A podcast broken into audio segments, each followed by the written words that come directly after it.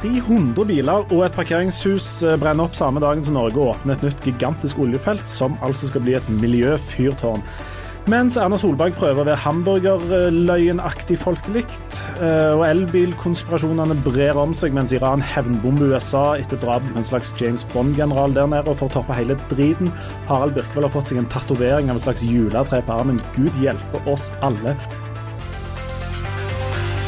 Fortsatt godt nyttår, og hjertelig velkommen til Aftenbladet Let the games begin. Let the games begin. Det er Akkurat så, altså Vi starter på en måte i krise. Den største krisen det er jo den personlige midtlivskrisen som Absolutt. eh, Harald Birkevold går gjennom, som altså begynte å tatovere seg i en alder av over 50 år. Hva i himmelens navn? Og Jesu Kristi rike. Og hva heter du? Eh, Vi, vi kommer, det- det er å si det sånn, dette er ikke forberedt. Det er ikke ofte jeg blir målløs, altså, men, men uh, her er jeg veldig nær. Nei, altså dette er jo, som dere påpeker, et utslag av en midtlivskrise. Ja, Um, det må være dype og tunge.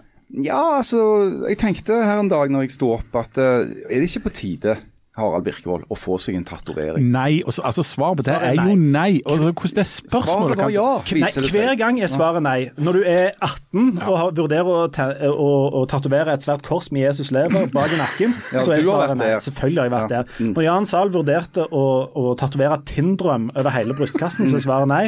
Og når Olav Myrseth vurderte å tatovere en gigantiske oljedråpe bak på ryggen fordi han skulle jobbe med olje, så Så svarer svaret nei. nei, Ja, Ola, du, du har ingen tatoveringer, sant? Jeg har ingen tatoveringer, men jeg har jo vurdert det med, med jevne Og svaret er alltid Nei, Nei. så langt. over til deg, Harald. Nei, altså Svaret viser seg da å være ja. Særlig hvis du har fått et gavekort uh, på tatovering til jul. Av hvem da? Av, av, av dama, da. Ja, det er en annen del av livskrisen. Men er dette din første tatovering? Uh, ja. Kan vi Ja. få se den litt? Ja, bare altså, Ja, vær så god. Ja, der er den. Det, Altså, det- er, det er en form for ugras som Det- starter det er et ugras, ja. håndleddet, og så går opp gjennom. Er det er- blåklokker? Det er blåklokker. Fa det er favorittblomsten min. Men det var har- det nå- dette vi skulle snakke Nå om. i må vi stoppe opp. Du har en favorittblomst. Ja. Som du aldri har fortalt om. Nei, altså jeg forteller ikke deg alt, ja. I hva slags anledning er det du trekker fram favorittblomsten? Nei, jeg har alltid likt blåklokka veldig godt. da. Hva er det du liker så godt med blåklokken? De er så fine. Og så blomstrer de langt utover høsten. Du kan gå på, på høstjakt, på rypejakt langt ut, ut i oktober, og de blomstrer fortsatt. Det er veldig fint gjort av de. Og det, Hvis en skal si noe sympatisk om dette, så er det jo at nå har du fått deg en som blomstrer for alltid. Ja, så Den nå er i evig livets grønn. høst. Jeg er jo, befinner meg jo i livets høst. Ja. sant? Og da har jeg jo òg en blomst som symboliserer livets høst. Men dette er den aller første tatovering, sant? Ja, men ikke den siste. Ikke den siste? Nei, for jeg har latt meg fortelle at dette er en slags, det det heter på engelsk, sånn slippery slope. Det er det. Altså Når du først har, har begynt på dette her, Mhm. eh, så baller det fort på seg. Jeg som går på søndagsskolen. Hører du litt om Jesus, så vil du tilbake høre mer. Det er akkurat som hvis du Eh, hadde ja. musikk med dans på på barneskolen. Da kunne folk begynne å danse, og du visste, ikke, du visste jo hvor det endte. Men skulle ikke vi snakke om noe viktig i dag? Jo, vi skal det, men, men, men det, dette ble bare litt for eh, synlig når du la eh, disse svære nevene dine på, på bordet med favorittblomsten. Det hørtes skikkelig grisete ut. For det Rett før det så snakket vi om at du egentlig likte å drepe dyr og sage av de hodet, og så har du en favorittblomst. Det, det er jo flott på en måte, og trist på en annen. Jeg er et renessansemenneske. Jeg er veldig kompleks og sammensatt. Eh, Ok, Kommer du, kommer du til å tatovere deg for alle konene du har framover, eller er det kun på den? Nei, Vi får ta det litt sånn etter hvert. Uh, men Foreløpig så er det jo hun, da. Så får vi se. Akkurat. Du, eh, Ja, Men- men la det det være sånn- med det. Det er jo noen dager det er veldig flott å jobbe i kulturavdelingen i ei avis. Eh, Sånne dager er f.eks. sånne dager der det begynner å brenne kolossalt ut på Sola. Der folk i andre avdelinger må møte på jobb eh, og gå på jobb eh, som de ikke hadde tenkt å gå på. Det inkluderer begge de to gjestene vi har her i dag, både Harald og Ola. Hvem skal vi begynne med? Vi begynner med deg, Ola, for det var du som havna oppi dette først. Men vi skal snakke om det du var på først senere. Men vi starter med Brann. Du var på vei tilbake fra Nordsjøen rett og slett, og lander på Sola. Det var jeg. Eh, Vi hadde vært ute på Johan Sverdrup-feltet i går, som offisielt ble åpna, som vi skal snakke litt mer om etterpå. Som du sier, og da eh, kommer flygeren inn der eh, rett før fire. Og da så vi jo plutselig svart, tjukk røyk som velta opp bak terminalbygningen der. Og vi ante jo selvfølgelig ikke hva som skjedde, men så at det var et eller annet heftig som var på gang da. Når var dette på, på døgnet, sa du? Dette var ca. klokka fire. Vi fløy inn klokka kvart over tre, og, og var der ca. tre kvarter senere. Så det var jo en halvtime etter at brannen hadde starta, så da var, det, da var det god fyr.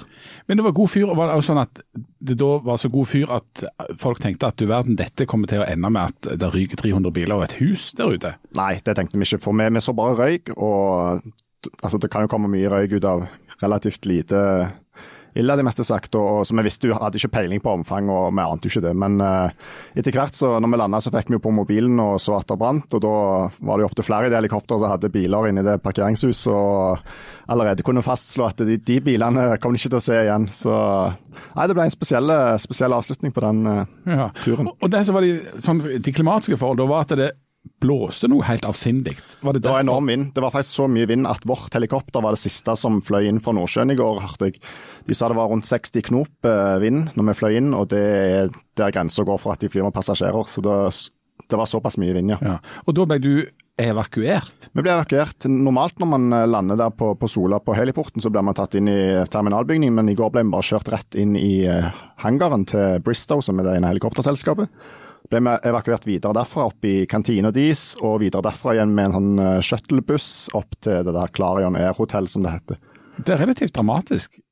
Ja, det er jo det. Ja, Har du blitt evakuert mange ganger før? nei, det tror jeg aldri jeg har gjort, så det var en ny opplevelse. Så da hadde vi hele halve det norske pressekorpset evakuert rundt omkring i ulike hus ut på Sola, og da kaller de virkelig inn eh, kavaleri eller artilleri, eller vet ikke hvem de kaller inn da, men det er iallfall deg da, Harald Birkevold. Du, du eh, hadde gått hjem for dagen og hadde egentlig fri, og så Ja.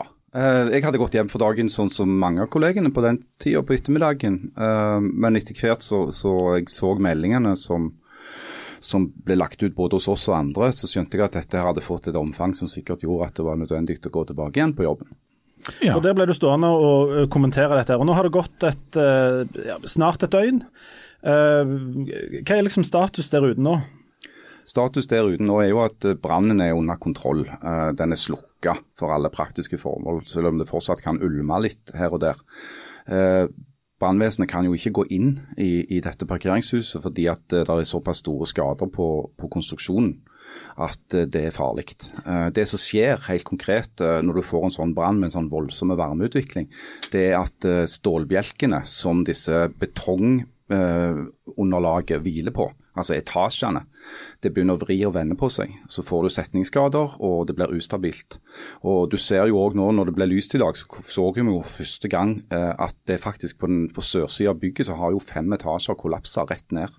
Er det ikke, er det ikke uh, sprinkleranlegg, altså er automatiske slokkingsanlegg i dette? Altså, en flyplass er jo, en, er jo kanskje den det, Dette nevnte du på lufta òg, at hvis det først skal begynne å brenne en plass, er det en plass de har eh, god beredskap, god, uh, de har masse brannutstyr, altså de har alt. Men det, er ikke, det er altså ikke sprinkleranlegg eller skumanlegg i dette? Nei, og det, og det skyldes nok at det ikke er et krav om det i dag. Eh, og Det er jo en diskusjon som kommer til å komme nå i kjølvannet av denne her eh, hendelsen. For dette blir jo forferdelig dyrt. Det blir et eh, forsikringsoppgjør på hundrevis av millioner kroner. Pluss eh, altså bare for bilene. Og så har de jo selve skaden på, på bygget som muligens må kondemneres og bygges opp på ny. Og Dette kommer helt garantert til å utløse en diskusjon som vi allerede ser nå, om eh, kravene til sånne bygg er gode nok. I andre parkeringshus, på, f.eks. i Stavanger og Sandnes og Bryne sentrum, og ikke minst i bånn av alle kjøpesenter, alle leilighetskomplekser og sånt, da bygges jo ikke noe nå uten at det er parkering i bånn i det. Er det, er det, er det sprinkleranlegg på sånne plasser? Jeg har ikke en total oversikt. Det vet jeg at vi nå har kolleger som jobber med å finne ut. Eh, For det er jo typisk noe som skjer i kjølvannet av en sånn hendelse. At det blir den der eh, granskningsfasen. Sant? Hva var det som skjedde? Hvordan eh, gikk det med, med slukkingsarbeidet? Hva kan vi lære av dette? Og jeg tror nok at Et av læringspunktene kan være at eh, kravene til brannslukkingsutstyr og beredskap i sånne anlegg ikke er gode nok.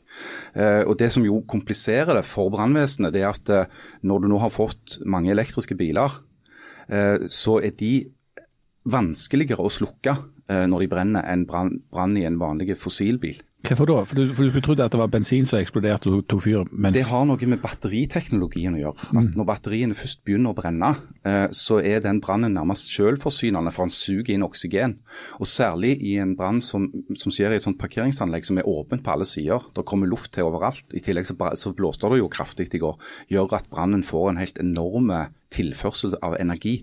En av de første reaksjonene til folk her var jo eh, fordi at det ble spekulert i om det begynte å brenne en elbil. Ja, ja. For de har vært i sånne greier. Hvorfor i all verden tar det så fyr i sånne kommentarfelter på Facebook og sånt? Uh, altså Hva er greia med at folk en gang sier at det, der ser dere når du brenner i en elbil, så går det Ja, altså det, det er jo noe som vi har sett i kommentarfeltene eh, her og der i lang tid, at det er en, det er en liten gruppe jeg, jeg er ikke så sikker på om det er så enormt mange, men det er en liten og veldig høyrøsta gruppe som har en voldsom aggresjon mot elbiler. Eh, og dette med potensialet for brann i elbiler og, og at den kan bli vanskelig å slukke, har vært en sånn gjenganger. Det har òg blitt skrevet om i en del veldig oppegående medier. Det jeg så bl.a. i går når jeg eh, gjorde litt research på dette, at Teknisk Ukeblad har skrevet flere gode artikler om eh, hvordan sånne branner oppstår, og hva som er spesielt med de, og hvordan du skal forberede deg på det som skjer. Så, så det som skjer, skjer i et sånt parkeringshus og på Sola, så står det jo elbiler og vanlige fossilbiler om en annen der. Eh, og hvis du må bruke to forskjellige teknikker som brannmann for å slukke de, så er det klart at det gjør at det blir ekstra komplisert. Nå viste det seg jo at det var Det hadde vel begynt å brenne i en dieselbil. En eldre dieselbil er det som blir opplyst nå, ja. Ja, men jeg, jeg, jeg går rundt og tenker at eh, biler begynner jo ikke å brenne sånn av seg selv. Altså, er, det, er det lett for en bil å begynne å brenne? Det er spørsmål A. Og spørsmål B. Hvis en bil brenner, altså, og så begynner bare nabobilene å brenne, altså tar de så lett fyr? Altså, En brann uh, i en bil uh, utvikler seg veldig fort uh, fordi at det er veldig mye brennbart materiale i en bil. Det er drivstoff, det er interiør, det er dekk. Og, og Disse tingene er lettantennelige og utvikler fryktelig mye varme og røyk når de først begynner å brenne. Og I et parkeringsanlegg så står jo bilene tett eh, ved siden av hverandre. Det er jo en del av konseptet. Det er litt av konseptet, ja. Sånn at da, da sprer det seg fort. og Særlig når du da har den situasjonen som du hadde på Sola i går. Eh, mye vind og umulig for brannvesenet å komme seg helt inn til der det brenner. Jeg leste en setning i går i vår dekning der det sto at dette var som en sånn popkorngryte. Du kunne nærmest høre både dekk og biler poppe som Ja, det var jo øyenvitner som sto på flyplassen og hørte smellene. Eh, og det er jo smell både fra eh, minst tre kilder, fire kanskje. Det er drivstoff som antenner. Det er batterier som sprekker eller eksploderer. Det er ruter som knuser, og det er dekk som eksploderer. Og Midt oppi dette sitter du, Ola Myrseth og en gjeng av hele Presse-Norge evakuert i en eller annen kantine. Ja. rom. Det var litt spesielt når at vi, hele pressen kom samla inn der i helikopter og kom rett oppi dette. her, så det ble jo, med denne Shuttlebussen vi tok, så gikk jo både TV 2 og NRK omtrent live fra bussen. Og vi, vi sjøl starta jo å jobbe derfra. Og, så det var mye som skjedde. Ja, men ja, for, for fikk dere dekt, kom dere tett på og, og liksom dekte dette? Altså, det, hvis du sitter i kantina, så får du ikke liksom gjort så mye annet enn å si at du sitter i kantina. Men Vi, ikke, altså, vi kom oss jo relativt kjapt videre til dette hotellet, og derfra så, så fikk vi snakket med politiet og fotografer og sånt kom seg ut. Så jeg ble sittende på hotellet og jobbe da, men Du, når, når, du er, når du er journalist i en sånn situasjon som det der, er det sånn at du, du med en gang skrur på og begynner liksom å dekke brannen, eller tenker du åh, det er ikke min jobb, jeg må hjem? nei, du kommer med en gang i modus. Du gjør det? altså, ja. Ja. Det leser jeg eh, Forskjellen på journalister på og meg og deg, ja. og oss i sånn kulturgreier.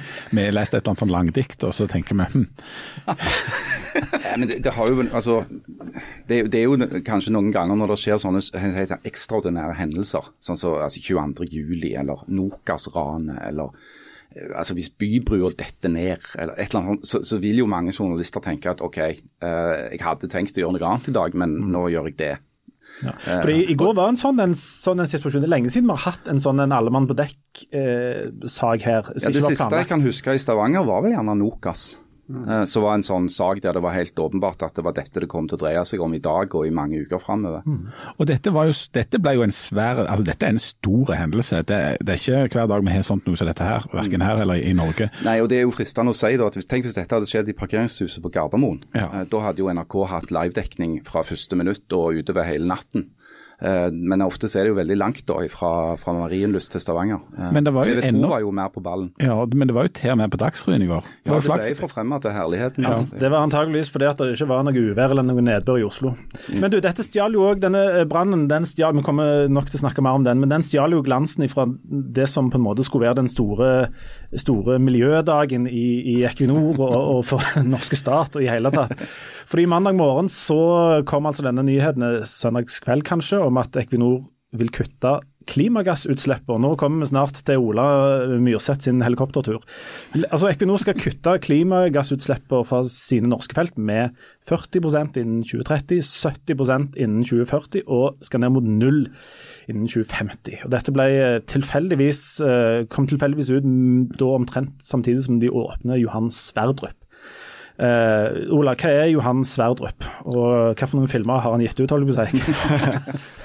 Har du lest, har lest noen av bøkene hans? Det blir veldig bra hvis vi nå får et foredrag om parlamentarismen i Norge. det får du ta, Janne. Vet jo alle hva du har uh, av bakgrunn, så får ta det etterpå.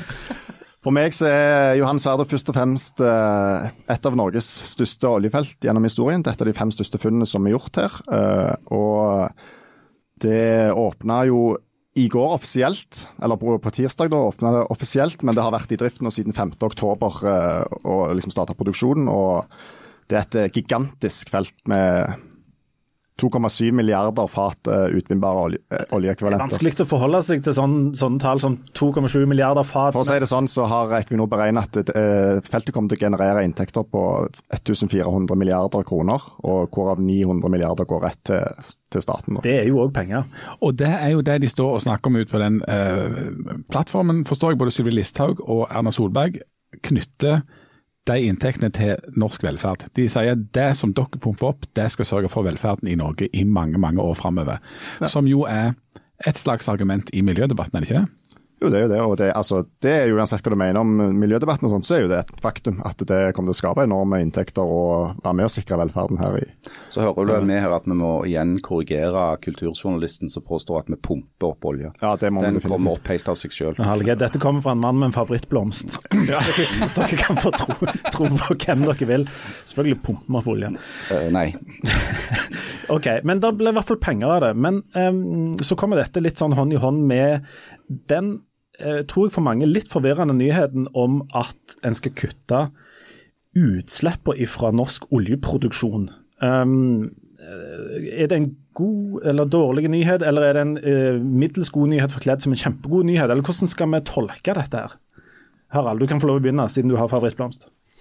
Um, det er først og fremst et uh, forsøk på, uh, fra Equinors side, på å få kontroll over sine egne utslipp.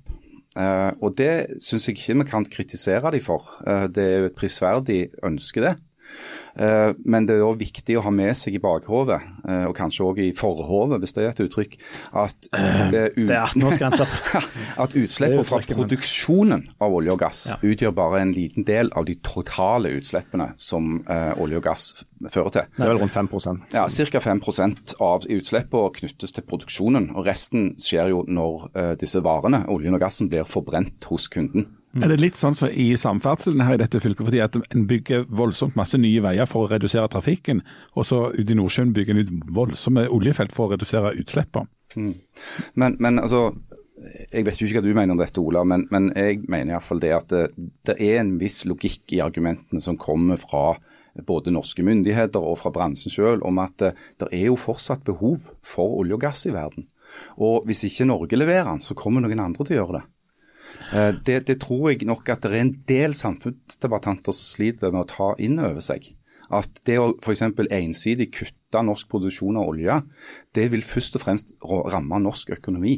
Og de har vel rett i, i Equinor at det er renere å gjøre det både sånn som de gjør det på Johan Sverdrup, som er det mest høyteknologiske feltet som produserer med minst utslipp, og når en nå skal redusere utslippet. For hvis alternativet er kullkraft, så er jo det ekstremt mye skitnere. Det har du jo rett i, har du ikke det, Ola? Det er det. og det er så du sier at det, Tall fra Equinor selv så sier at eh, ett fat olje på Sverdrup det produseres med et utslipp på 0,7 kg eh, CO2, mens eh, snittet i verden er 18 kilo, Så det er jo, det er jo stor forskjell. Mm. Og så er det vel uansett hvordan vi regner på det, bedre at vi kutter utslipp en eller annen plass enn at vi ikke gjør det. Mm. Eh, det den, kanskje den store diskusjonen går på her, er vel heller om dette her er en del av en sånn, litt sånn grønnvasking av oljebransjen. da, mm. Fordi at vi kutter utslipp på Eh, med å lage det, men ikke med å bruke det. Så Vi frasier oss på en måte ansvaret for bruken av det, fordi at det er, vi, er så flinke å få det opp. Ja, altså Det er jeg helt enig i. Altså Det er mye grønnmaling her, eh, og det er mye som vi på godt norsk kan kalle bullshit.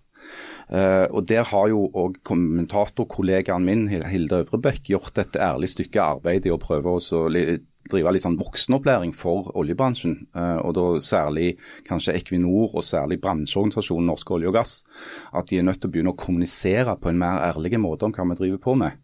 Eh, for noen ganger kan du få inntrykk av at den store fortellingen deres er at norsk olje- og gassindustri er et slags miljøtiltak, eh, og det er det i sannhetens navn ikke.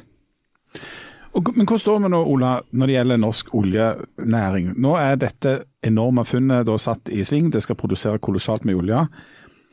Vi nå, har vi nå nådd på en måte toppen, og går det nå nedover? Både i investeringer og utbygging og utvinning og alt i hop, eller hvor, hvor er vi nå i den norske oljehistorien? Nå skal produksjonen de neste årene øke litt av olje, og det er rett og slett alene pga. dette Sverdrup-feltet, som jo som sagt er enormt. Og Om noen år så kommer Sverdrup-feltet til å stå for 30% av totalproduksjonen på norsk sokkel. Men etter at det har gått litt opp nå de neste årene, så skal det falle ganske dramatisk. Og uh, tall fra dette analysehuset som heter Rystad Energy, som uh, har mye, mye info om det som skjer i olje, de sier at hvis det ikke blir gjort nye store funn på norsk sokkel, så kan uh, produksjonen bli halvert fra 2025 til 2040. Det blir omtalt som liksom den siste mammuten, eller siste elefanten. Siste elefanten, ja. Siste elefanten. Hva, og det betyr at at sånn per nå så, så er utsikten for å finne et sånn betydelig oljefelt egentlig ganske liten? Eh, ja, men samtidig så hører det med til historien. og Nå må du korrigere meg Ola, hvis jeg tar feil, for det er en stund siden jeg jobbet aktivt med dette. Dessuten så har du nå en blomstertatovering så vi tar deg med en klype salt. jeg ser det. Men, men det er jo fortsatt områder ute forbi uh, norskekysten som ikke er spesielt godt undersøkt. Det er et potensial for at det kan være nye store oljeforekomster, f.eks. i de omstridte områdene utenfor Lofoten, Vesterålen og Senja. Uh, du har jo òg debatten om disse områdene i Barentshavet og denne her diskusjonen om hvor denne iskanten kanten eh, skal befinne seg. Det er helt korrekt. Og, så er det jo verdt å merke seg at nevnte Sverdrup, da, den første brønnen der ble boret i 1967. Og Først i 2010 så de, gjorde de det første funnet da, som, som etter hvert ble til Johan Sverdrup. og det det har jo noe med at man uh, nye øyne kan le lete på nye måter. Det kommer ny teknologi som uh, gjør at man kan se, lese data på andre måter osv. Så videre. så det er ikke gitt at det der ikke blir gjort nye store funn, men uh, sannsynligheten lavere. De bomma med en meter, har jeg lest, på det første brønnen, stemmer det? Altså, det de borte en meter bort forbi. Mm. og det er jo ja. Det kan fortsatt ligge ressurser der. Men, men som Ola sier, så, så, er det nok et faktum at på litt sikt, og, og, ikke så fryktelig lenge til heller, så vil norsk produksjon av olje særlig eh, begynner å gå nedover. Og Det er interessant når Eldar Sætre eh, la fram disse planene for eh, utslippskutt, så snakket han jo òg veldig mye om fornybar. Eh, potensialet for Statoil til på en måte å bruke den styrefarten de allerede altså, de har i dag, fordi at de har høye inntekter fra olje- og gassvirksomheten, og sprøyte penger inn i teknologi som handler om å bli et mer fornybar drevet selskap, med havvind, med hydrogenproduksjon og sånn.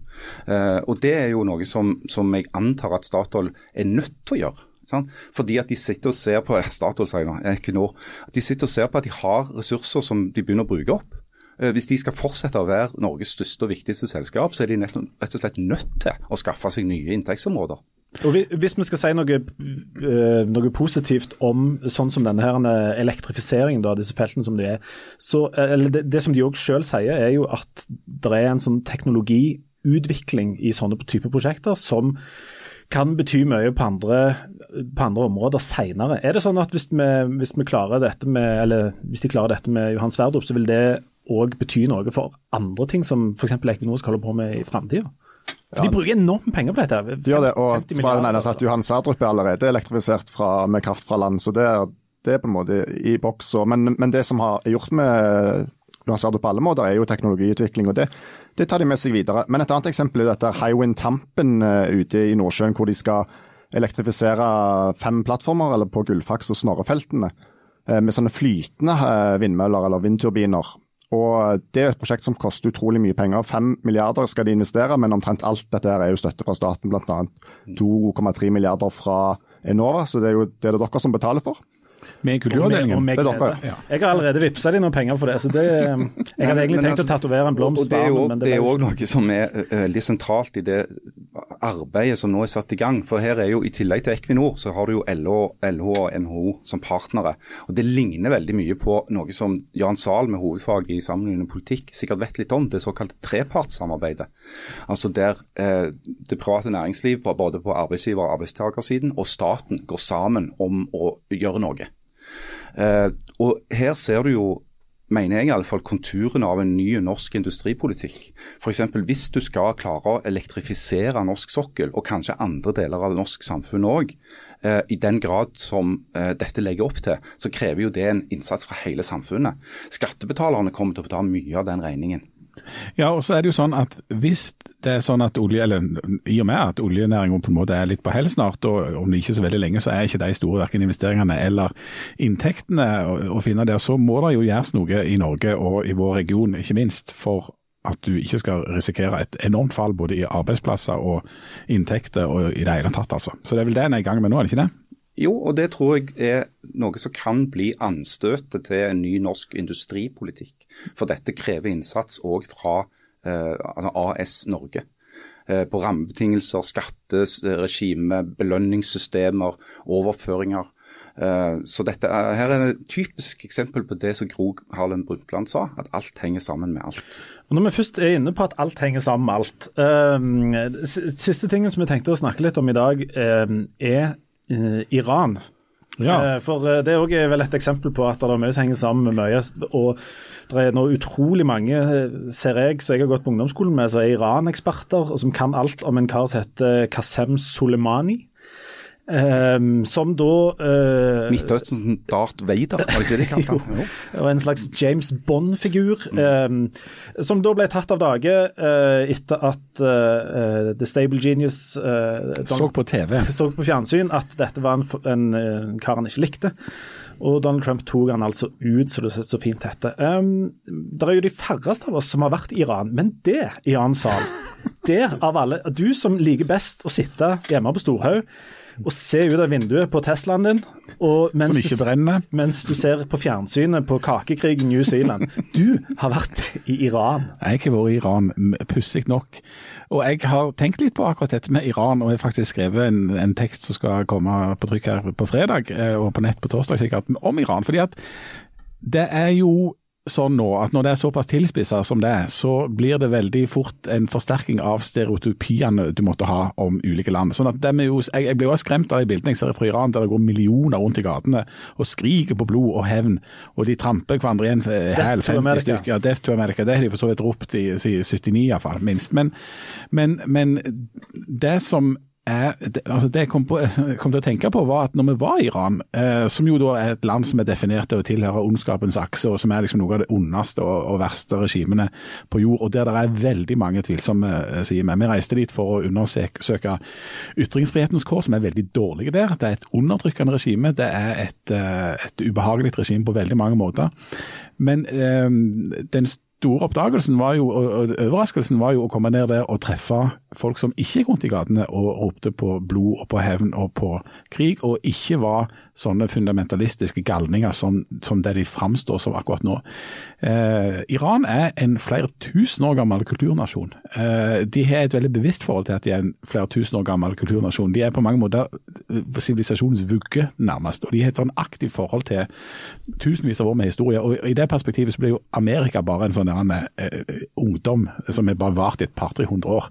De har et enormt langt perspektiv på ting i, i Iran. De, de har veldig respekt for kunnskap, for, for eh, ja, altså, altså eh, de, de, de eldre for på en måte være et opplyst regime. Da. Sånn at vi møtte jo stort sett folk som var ekstremt eh, liberale, moderne, som snakket med oss om hva som hadde stått i The Guardian og i Washington Post i det siste, som var veldig kritiske til det strenge med dette regimet, som fortalte jo om en sterk liksom sånn liberale bevegelse. Og rett etter at vi hadde reist, så var det presidentvalg i Iran, og da valgte de altså den moderate presidentkandidaten. De valgte ikke ekstremistene. Det er jo ikke det inntrykk vi får når vi Nei. ser eh, TV-bildene der nede fra nå. Er det uh, alvorlige ting som har skjedd der siden du var nede og ferierte, eller var det Ja, det, det alvorlige som har skjedd, og det som jo er det farlige og vanskelige dette, er, altså som sagt, det er mye usympatisk med det iranske regimet, og de har vært en aktør som har eh, bidratt til mye drit både i Midtøsten og andre plasser, ustabilitet og sånt. Men, men den store forskjellen nå, den store liksom, wildcarden, er jo da igjen Donald Trump. Eh, fordi at det er ganske klart at iranerne vil jo egentlig ikke ha krig. sant? De, jo, de skrev jo under på en atomavtale. De var i ferd med å nærme seg Vesten. Og så er altså ekskortet her eh, Donald Trump som har kommet inn, og som har hatt en politikk som nå har bidratt til at han har sendt ut i gatene folk som for få uker eller måneder siden var kritiske til regimet, som nå støtter regimet etter at de har tatt livet av Hans Soleimani. Sånn at Trump er i ferd med å oppnå nøyaktig det motsatte av det som var intensjonen hans. Mm. Og, og, det er jo òg for de av oss som er litt sånn der eh, kynisk anlagt, da, ganske interessant å se på. Men allikevel har favorittblomster? Bare spett inn det, det var ikke meningen. Jo, jo, altså ja. at eh, et annet islamistisk undertrykkende regime som ikke respekterer grunnleggende menneskerettigheter og driver aktiv krigføring i andre land, altså Saudi-Arabia, er en, fortsatt en av Norges viktigste allierte i denne regionen og en venn av USA. Sånn at dobbeltmoralen og hykleriet kjenner jo nesten ingen grenser i denne saken her. Det var, det var interessant å se Jens Stoltenberg sitte litt sånn i en skvis og skulle be alle om å puste med magen. og Um, og sånt her som, som Natos representant oppi dette. Er, er, det nesten vanskelig å vite hvem vi skal holde med her når vi har Trump på ene sida og Iran på andre, eller gjør det seg selv dette? Nei, altså Jens Stoltenberg har jo en fryktelig vanskelig jobb. Fordi at Iran, som andre land i denne regionen, f.eks. Syria, f.eks. Libya, eh, er jo en skueplass for et stormaktsspill. Eh, der de forskjellige stormaktene i eh, Midtøsten, og de viktigste av de er jo Iran, Saudi-Arabia, Tyrkia og Egypt, har forskjellige og skiftende allianser med ulike stormakter. Og der størrelser som Nato og til dels òg EU eh, mer eller mindre ufrivillig har, har, kommet i en slags meklerrolle mellom disse her eh, stormaktsinteressene. Eh, for Nato og Stoltenberg er det jo et spesielt problem at en av de regionale stormaktene òg er medlem i Nato, altså Tyrkia. Noe som gjør hans jobb veldig politisk og ekstremt krevende. Stoltenberg har en eh, balansegang for tiden sant, med en ustabil president i USA, eh, et ustabilt regime i Tyrkia, eh, et Nato som har problemer med finansieringen og samholdet mellom medlemmene. Den stabile Putin? stabile Putin, stabilt ustabil Putin. Erdogan? Eh, Erdogan, situasjonen i Ukraina som er helt uavklart. Eh, så, så, det er ikke tvil om at Jens Stoltenberg som generalsekretær i Nato har en mer krevende jobb enn hans forgjengere har hatt på veldig mange tiår. Men det store bildet er jo at ingen her er interessert i krig. Altså USA vil ikke ha krig, Iran vil ikke ha krig, det er ingen som vil ha krig. Ja, Benjamin, Benjamin Netanyahu vil ha krig. Ja, han vil nok ha, vil... For å få vekk oppmerksomheten for den korrupsjonssaken ja. som han er involvert i for tiden. Men er, det er jo òg blitt sagt, eh, jeg har sett i alle fall på vitsetegningsnivå, at dette er et eh, et, eh, et, grep som Trump gjør for å vise litt muskler fordi at det begynner å nærme seg et valg? Altså, hvor mye, hvor mye, sånne ting er det oppi dette, og hvor mye handler det om å ta ut en eh, farlig general? dette? Det no, noe av det som er vanskelig med Trump, det er at det er vanskelig å se eller det er vanskelig å analysere, fordi at uh, ting kan se ut som om det kan være gjennomtenkt. Eh, at det er en eller annen strategi bak, helt til det lekker ut informasjon fra Forsvarsdepartementet eller fra eh, Det hvite hus og viser at ingen var forberedt på det som skjedde, og at eh, staben hans var minst like sjokkert som alle andre over det han gjorde. Sånn at Noen ganger så tror jeg at for det at mange kommentatorer er jo fortsatt den, av den oppfatning av at vi lever i en rasjonell verden. Sant? At det, det, går an å forklare ting. Han må jo ha en plan. Og hver gang det viser seg at Trump nei, han hadde ikke en plan, dette var noe han gjorde på impuls fordi at han hadde, var i dårlig humør eller akkurat hadde sett noe på TV, så, så, så strider det mot liksom alle oppfatninger om hvordan en president i verdens viktigste land skal oppføre seg. Så vi har fortsatt problemer med å skjønne hvor impulsstyrt dette her er. Mm. Så Det er ikke så mange år siden eh, Trump selv tvitra at eh, Obama kom til å gå til krig mot Iran for å sikre seg en valgseier, så han har jo tydeligvis tenkt den tanken tidligere, at det er potensialt ja, scenario. Han, han, er jo en mester i det de kaller projisering. Eh, han projiserer sine egne dårlige sider over mm. på andre og påstår ting om de som egentlig gjelder han sjøl. Mm. Men New York Times har jo funnet ut av, eller i hvert fall har presentert en versjon av hvorfor han her Soleimani ble tatt ut, så, såkalt, som er skremmende. Fordi at um, det, er jo på en måte blitt sagt at det var et svar på at det var en amerikansk kontraktør som hadde blitt drept i noe som Iran skal ha stått bak. Men så var det sånn at det reiste forsvarsfolk ned til, eh, til Trump på, på, på golfbaner i eh, Florida der og presenterte med, for en del sånne alternativ han kunne, måte han kunne svare på. Og så hadde de et sånn ekstremalternativ, sånn nuclear option, som var å ta ut han der Soleimani. Men det, den, det er en sånn option som de bare har med for at du ikke skal velge den, bare for å se hvor ekstremt det kan bli. Og så valgte han da en av de mer moderate, sånn at de, de bomba noe greier. Ja. Og så setter han seg til å se på TV litt senere, og da så han at det var noen demonstrasjoner utenfor den amerikanske ambassaden i Bagdad. Og så ringer han opp og sier vet du hva, jeg vil ha den der nuclear option.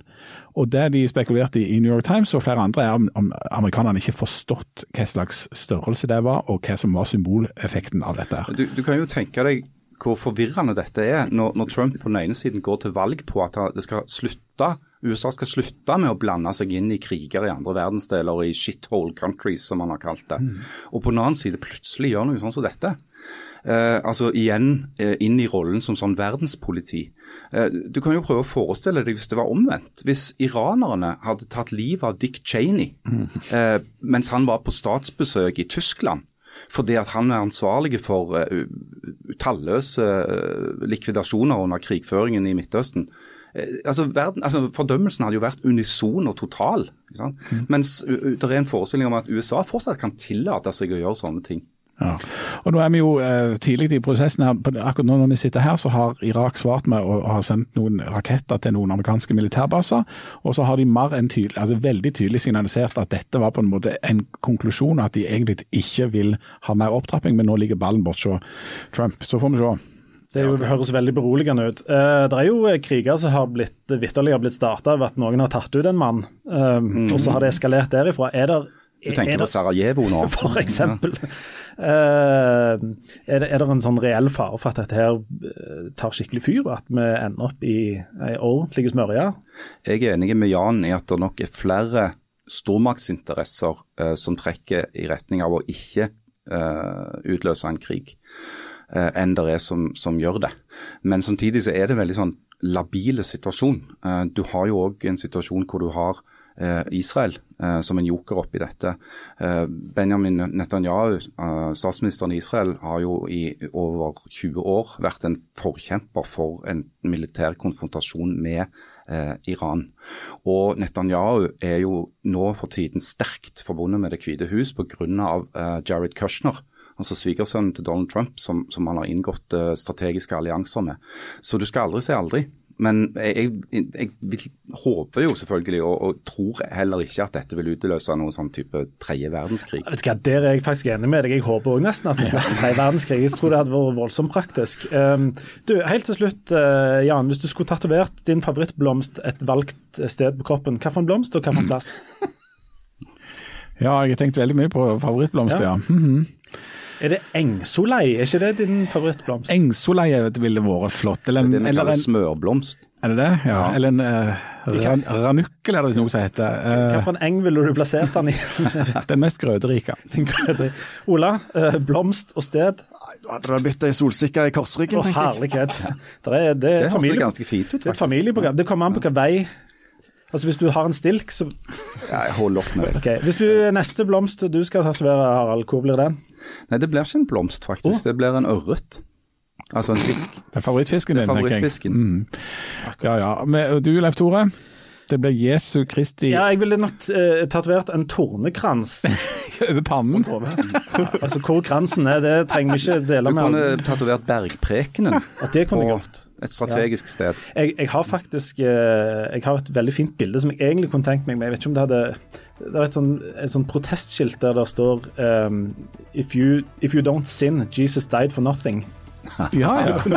kanskje det kunne være noe. Den er ganske bra. Ja, Kanskje rundt den lille konvallen. Ja, ja, Nei, Vi får se. Eh, vi lover å holde dere eh, oppdatert på både Brann og Iran og Harald Birkevold sine nye tatoveringer. Så tror jeg vi takker for oss foreløpig. Så snakkes vi om en uke. Ha det bra. Ha det bra.